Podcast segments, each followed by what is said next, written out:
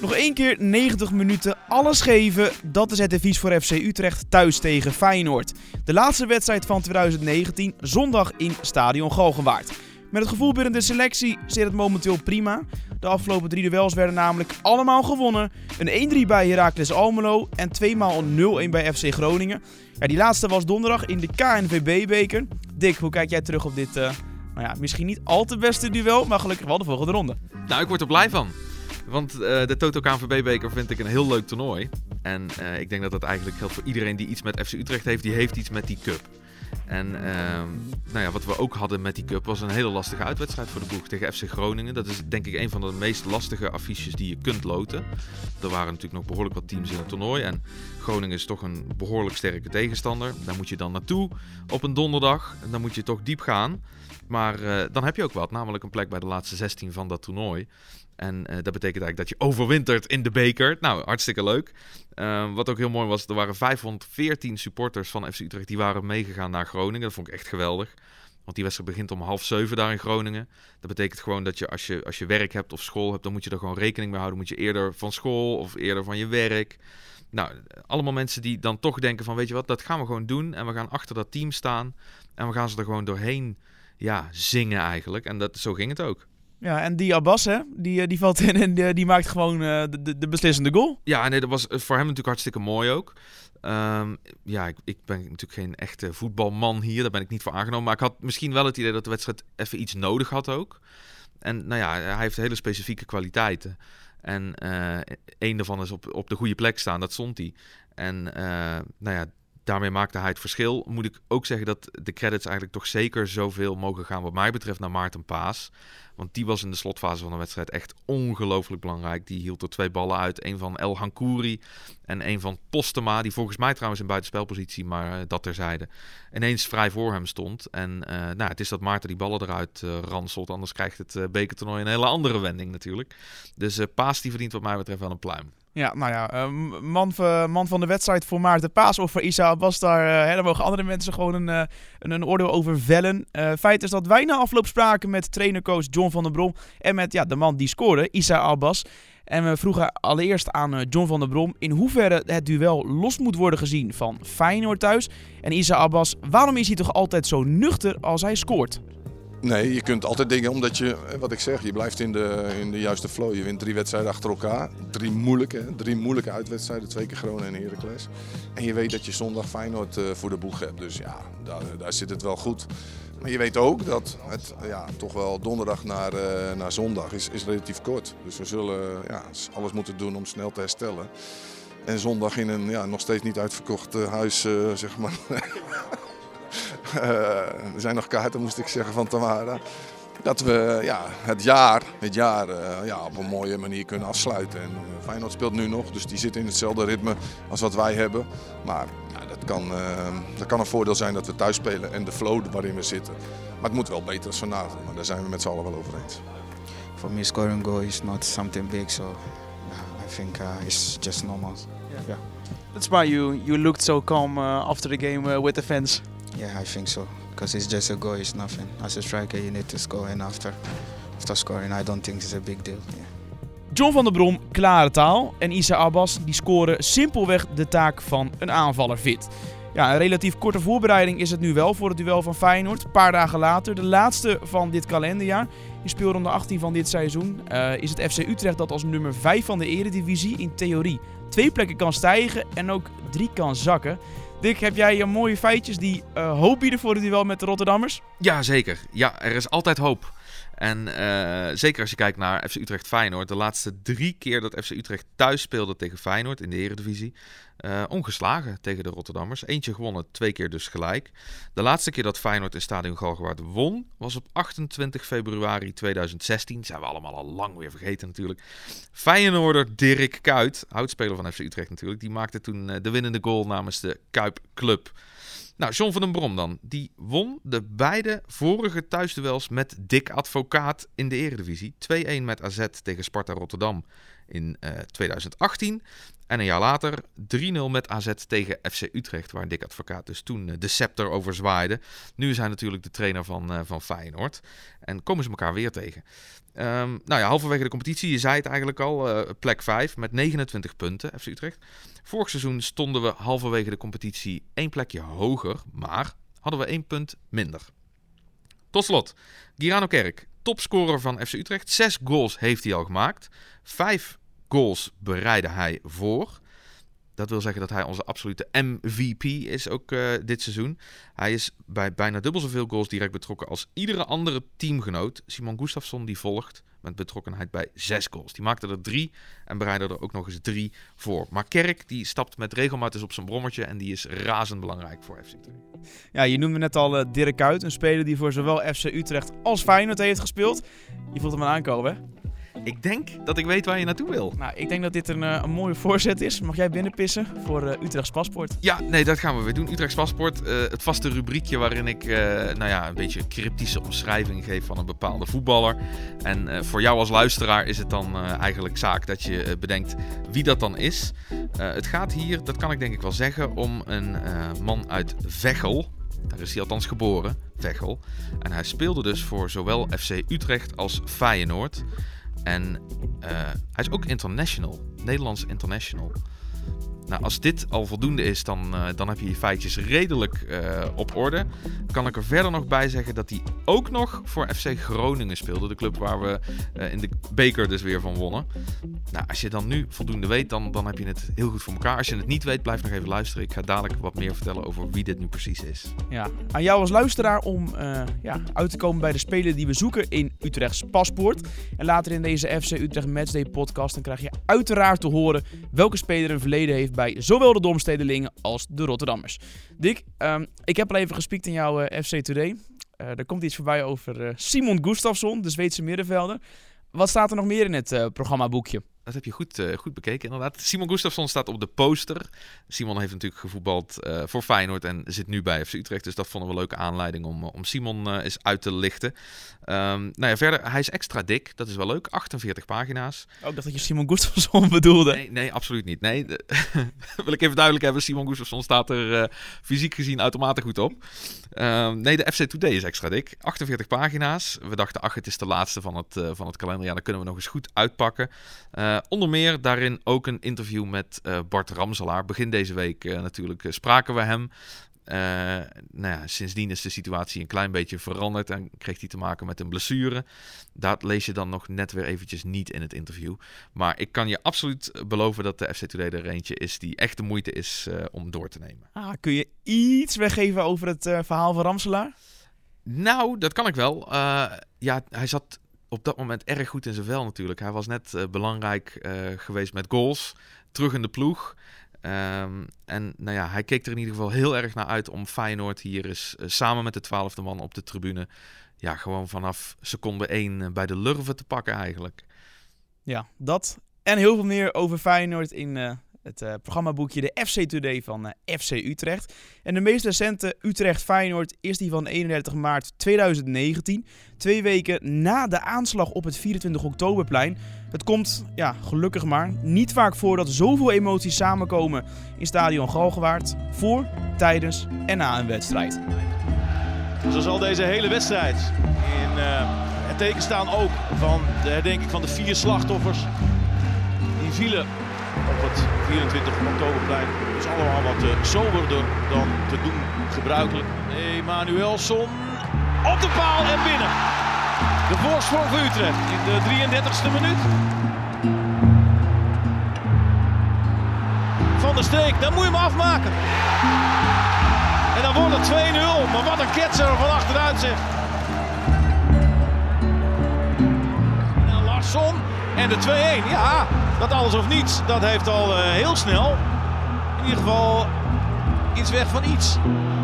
Filena met een schot en Jensen met een uh, grabbelbal. En Van Persie. Dan is hier Bazoer nog voor het slotstuk. Bazoer op de bal. En de rebound gaat dan binnen. Letchert. En dan is de zegen alsnog voor Utrecht.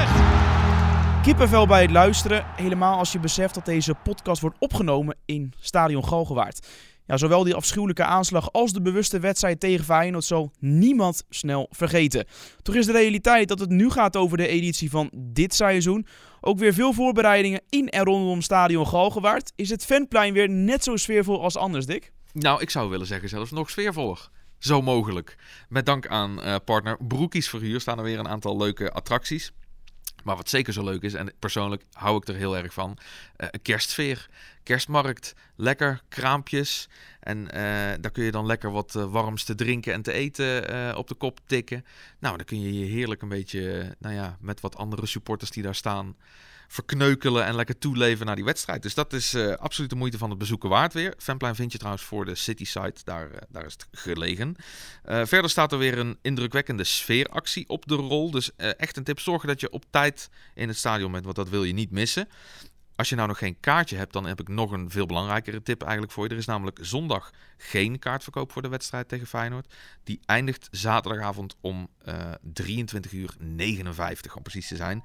Dus uh, tik op tijd dat kaartje op de kop. En als je dan zondag naar het stadion komt, neem dan, als je dat hebt liggen, wat oude kleding mee. Oude winterse kleding bijvoorbeeld, uh, jassen, uh, een lekkere dikke trui. Als jij hem niet nodig hebt, er zijn andere mensen die het waarschijnlijk heel erg goed kunnen gebruiken. Um, dus uh, voor supporters, door supporters zijn we eigenlijk een kledinginzameling actie begonnen in samenwerking met DHL. En DHL in die kenmerkende gele busjes met rode beplakking, daar kun je dan ook die truien en jassen inleveren. Um, en die busjes die staan op het Fanplein en uh, bij de Bunnik site. Dus neem absoluut wat mee als je het kunt uh, missen. Die kleding gaat dan naar supporters van FC Utrecht en andere inwoners van de regio die uh, wat krapper bij kas zitten en niet zomaar een hele nieuwe wintergarderobe kunnen aanschaffen. Dan nog de fietsenstalling, die is er ook weer. Gratis bewaakt en te vinden bij de kruising van de Weg tot de Wetenschap en de Laan van Maarschalkerweert. En die fietsenstalling is open van 2 uur voor tot en met 2 uur na de wedstrijd. En voordat die wedstrijd begint, is er uh, een dubbel heugelijk moment eigenlijk. Maar eerlijk gezegd, het meest heugelijke moment is voor Willem Jansen. Daar ga ik zo wat meer over vertellen. Maar ook Sander van der Streek, die wordt in de bloemetjes gezet. Die heeft namelijk tegen Groningen zijn honderdste officiële wedstrijd gespeeld voor FC Utrecht. En wie dat uh, ruimschoots overtreft, dat is dus Willem Jansen. Die tikte eerder deze maand in de competitiewedstrijd tegen FC Groningen namelijk al de 200 officiële wedstrijden aan voor FC Utrecht. En daarmee treedt de 33-jarige captain van de Domstedelingen toe tot een select gezelschap. En hij wordt dus voorafgaand aan de wedstrijd in de bloemetjes gezet. Hij ontvangt uh, niet alleen een prachtige bos bloemen, maar ook de bij deze mijlpaal horende vergulde domtoren. Parazit, hij zit erin. Utrecht gaat naar de voorronde van de Europa League. Ja, dan zien we direct inderdaad die wedstrijd tegen AZ uh, te winnen. Want uh, uit een onmogelijke positie terugkomend eigenlijk. Uh, niemand had er rekening mee gehouden, 3-0 achter. de wedstrijd zelf die, die een apart verhaal had ook met, ja, met, met onze trainer toen Erik ten Hag. waar, waar nog ja, in de privésfeer iets gebeurd was. Ja, en, en de rol die ik uiteindelijk zelf ook in de wedstrijd heb gespeeld uh, uh, met uh, een doelpunt. ja, belangrijk bij de derde goal, een penalty genomen. Dus. En die wedstrijd voor mezelf, ja, ja, voor het eerst eigenlijk echt in mijn carrière voelde ik me echt een winnaar. zeg maar. Dat ik echt iets, ja, iets gewonnen had. En, ehm, ja, dus dat, dat is voor mij direct wel de, de, de, ja, de meest bijzondere wedstrijd. Nou, dan spreek je weer bij de 300 ja. en kijken of AZ dan nog steeds de mooiste is. Ja, precies. Ja, ik hoop dat er nog mooie, mooie dingen tussen komen. Ja, dat was Willem Jansen, captain van FC Utrecht. En Dick, eigenlijk vind ik het uh, wel mooi geweest. De luisteraar die heeft nu uh, de tijd gehad om met jouw tips iets te doen voor uh, de rubriek Utrechts Paspoort. Welke spelers zoeken wij die zowel bij Utrecht als Feyenoord heeft gespeeld? En je gaf hem al weg, ook bij FC Groningen. Ja, nou, we kennen allemaal Boem Boem Bartje. Ja, natuurlijk kennen we die. Uh, Bart ja. Ramselaar. En uh, de voetballer die ik vandaag zocht, die heeft eigenlijk dezelfde bijnaam. Ja, het is namelijk Boem Boem Theo Lucius. Theo Lucius, een uh, ras-echte Brabander. En hij heeft naast de Brabantse clubs FC Den Bosch, PSV, FC Eindhoven en RKC... dus ook voor de profclubs Feyenoord, Groningen en FC Utrecht gespeeld. En voor FC Utrecht speelde hij 32 competitiewedstrijden en 6 bekerpartijen. En de laatste wedstrijd van Lucius voor FC Utrecht was op 14 mei 2000. Toen werd er met 3-1 gewonnen door FC Utrecht dus van Ajax. En 10 minuten voor tijd, publiekswissel, denk ik dan zomaar eens. Ik was er eerlijk gezegd niet bij, maar dat, dat denk ik er dan een beetje bij, Corné. Hè? Een publiekswissel dus voor Boom Boom Theo. En hij werd toen vervangen door Jordi Zuidam. Ja, ik denk dat, het, uh, dat er eigenlijk geen betere wedstrijd is om uh, je periode bij Utrecht mee af te sluiten. Een wedstrijd tegen Ajax en die dan ook nog winnend af weten te sluiten. We hebben wat audiofragmenten gevonden van dat bewuste duel. Kiwu haalt de bal weg voor Groenendijk vandaan. Touzani combineert. En het is Touzani die scoort. Groenendijk achterin van der Gaag. En 2-0. Eerste sinds rust voor Utrecht. Grim ernaast. En de bal in het doel door Lucius. Of was het via een eigen speler Rosé dat de bal het doel in ging? Het laatste. Een prima afsluiting van deze FC Utrecht Matchday podcast. Toch Dick?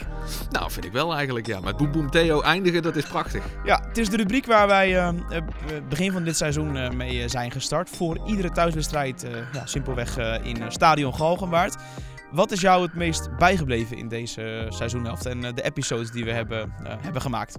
Ja, nou, um, dat is een lastige eigenlijk. Ik, ik zat daar eens over na te denken. Ik zat sowieso heel veel na te denken over wat er allemaal in 2019 is gebeurd.